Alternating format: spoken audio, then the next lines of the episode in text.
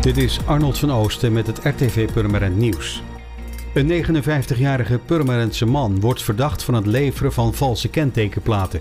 Het Openbaar Ministerie eiste maandag bij de rechtbank in Amsterdam een voorwaardelijke celstraf van twee maanden en een werkstraf van 60 uur voor de kentekenfabrikant.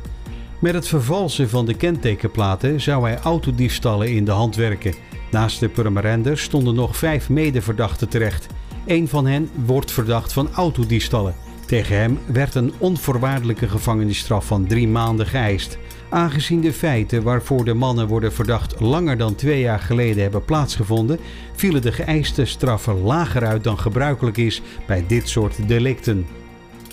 Sinterklaas pakt dit jaar de bus om de kinderen in Purmerend te laten weten dat hij weer in het land is.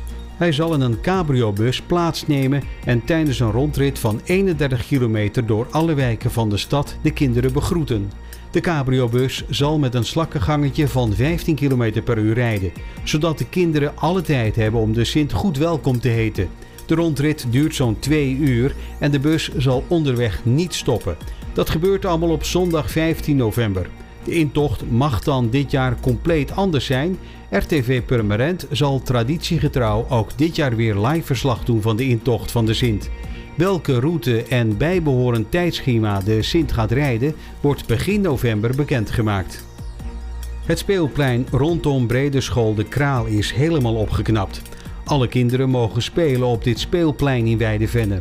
De speeltoestellen op het plein langs de Zambesilaan worden intensief gebruikt en waren aan vervanging toe. Samen met de omliggende scholen heeft de gemeente het ontwerp gemaakt. Daarbij is ook gekeken naar het gebruik van het speelplein door kinderen uit de buurt. Op het plein waren al een voetbalkooi en klimtoestel. Deze zijn gebleven. Verder zijn er allerlei nieuwe toestellen neergezet, zoals een vijfhoekige schommel, een wiebelbrug en allerlei evenwichtstoestellen. Er is rekening mee gehouden dat kinderen van verschillende leeftijden op het plein kunnen spelen.